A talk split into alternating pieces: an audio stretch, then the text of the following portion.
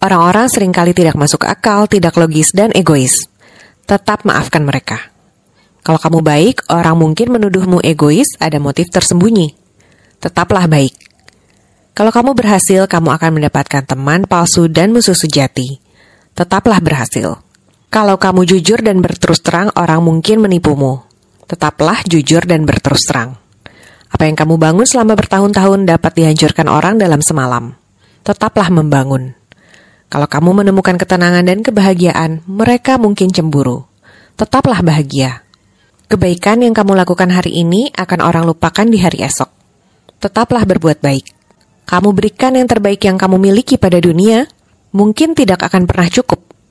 Tetaplah berikan yang terbaik yang kamu punya pada dunia.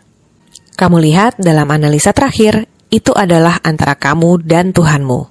Ini sama sekali tak ada kaitannya dengan mereka.